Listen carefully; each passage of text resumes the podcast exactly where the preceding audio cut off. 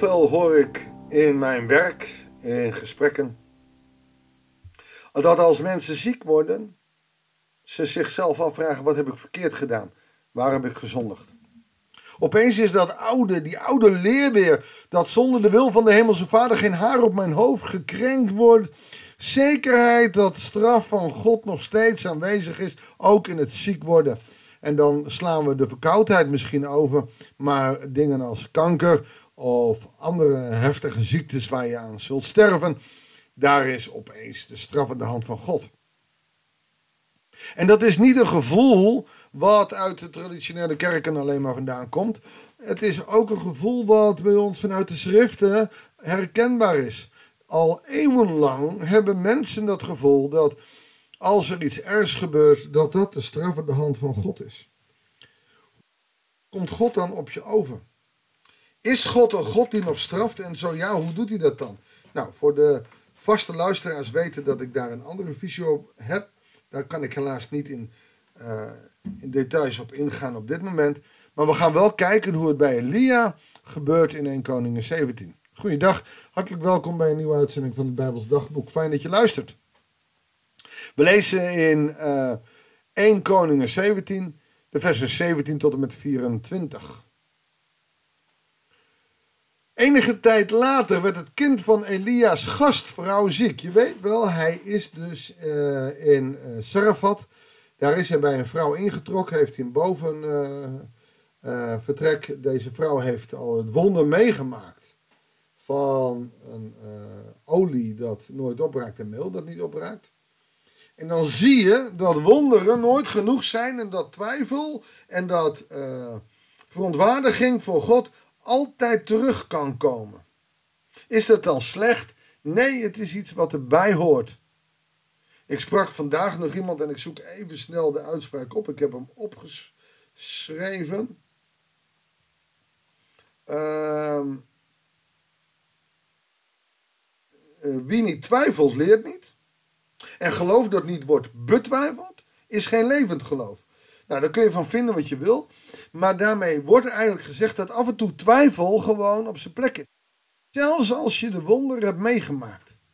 Dus al die mensen die daar op de berg zaten, 5000 man die eten en drinken kregen, zouden niet opeens mogen twijfelen. Jawel, dat gebeurt wel.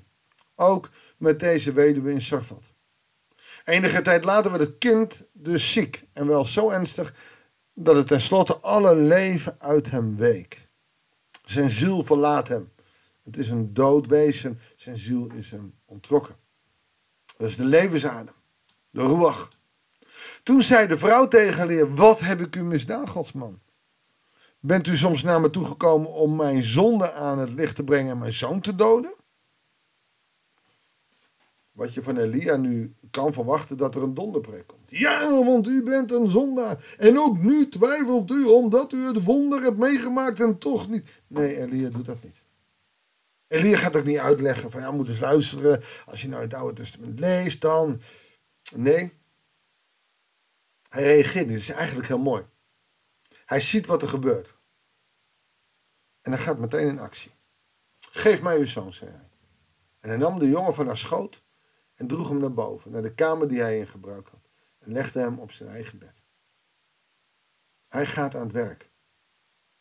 Hij gaat geen oordeel vellen over wat die vrouw vindt. Bent u soms naar me toegekomen om mijn zonde? Hij gaat het niet over zonde hebben, hij gaat hier niet oordelen. Hoor je en zie je wat Elia doet? Hij oordeelt niet. En dat is wat Jezus ons leert, niet te oordelen. Iemand mag deze vragen hebben. Wat heb ik misdaan?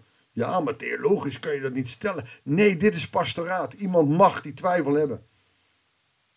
Echt, gisteren heb ik nog iemand gesproken die, uh, die ook die uitspraken had.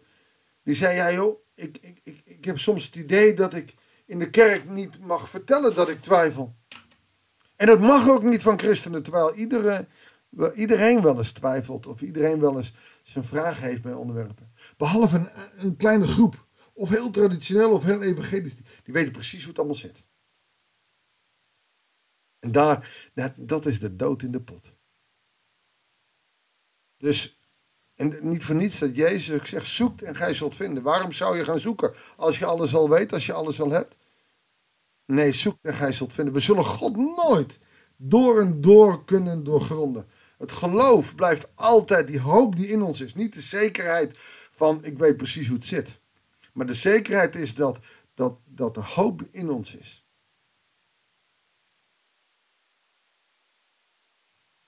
Elia neemt deze jongen mee naar zijn kamer en legt hem op bed. Toen riep hij de Heer aan en vroeg: Heer mijn God, waarom treft u juist deze weduwe, die mijn gastvrijheid verleent, door haar zoon te doden? Hier komt wel weer iets vrij. Waarom doet u dit? En ik vraag me af waarom Elia dit hier zegt. Elia ervaart dus ook dat dit een soort van test is of proef is. Dat kan je nooit hard maken bij deze vrouw. Dus dit is wel weer een, een vraag. Waarom zegt Elia dit hier? Waarom wil hij dit zo nodig als treffen doen? Maar je moet goed weten dat ook profeten, priesters, koningen mensen zijn die omgang vinden met God.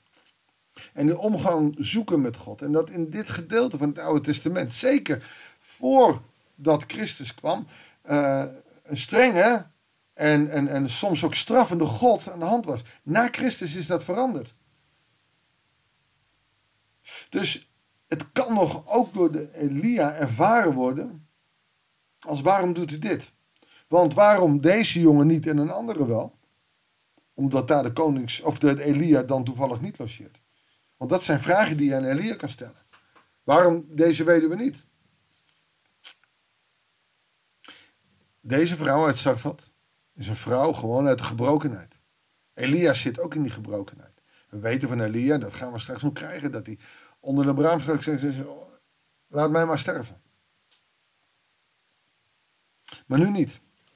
Nu bidt hij tot God. En dat bidden, dat is goed. En ook de pastorale vraag. Waarom treft me dit? God, waarom word ik ziek? Waarom heb ik dit? Je mag het stellen. En hij strekte zich driemaal over het kind uit.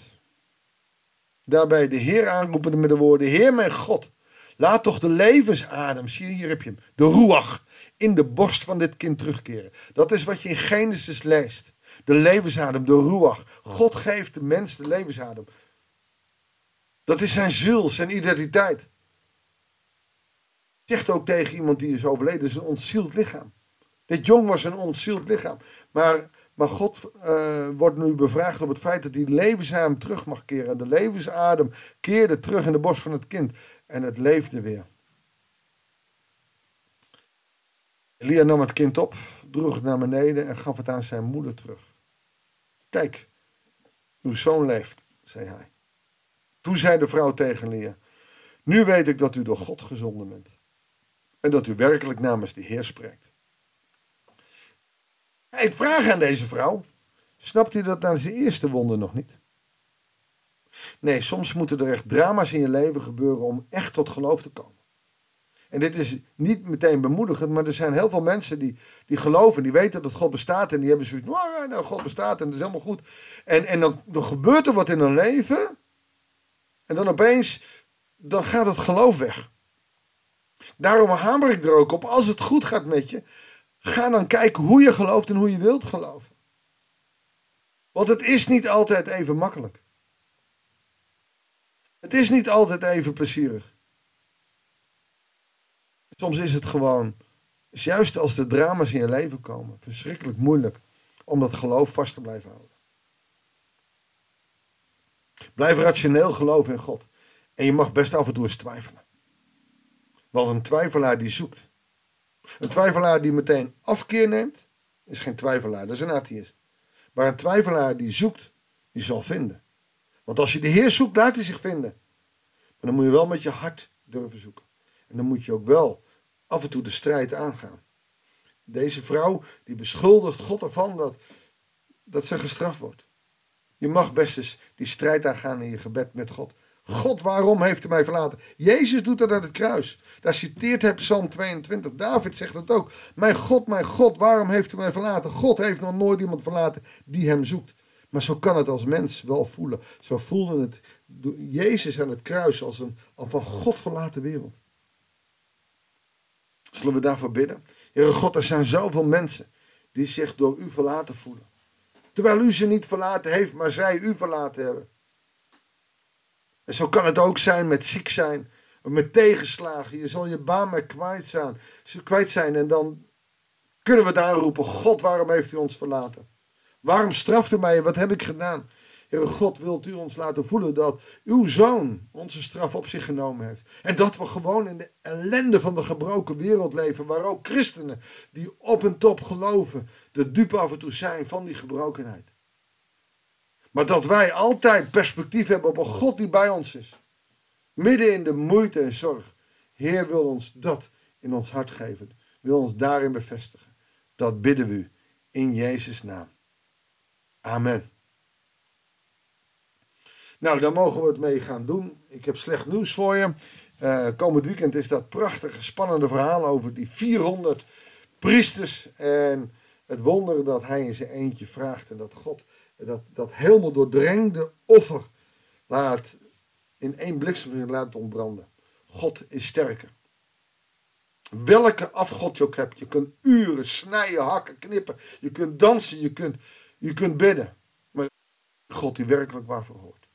En als we ons daar, daarvan afhankelijk stellen. Lees het verhaal alsjeblieft, ook in dit perspectief.